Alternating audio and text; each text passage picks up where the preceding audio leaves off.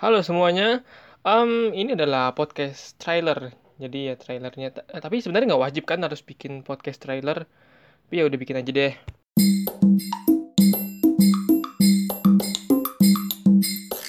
Oke, em, selamat datang di podcast apa nih?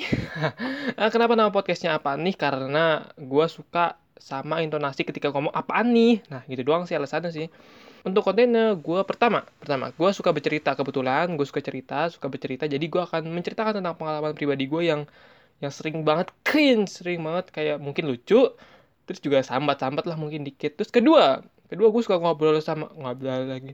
Kedua gue suka ngobrol sama orang. Jadi kita bakal mau ngobrol sama orang yang mau gue obrolin.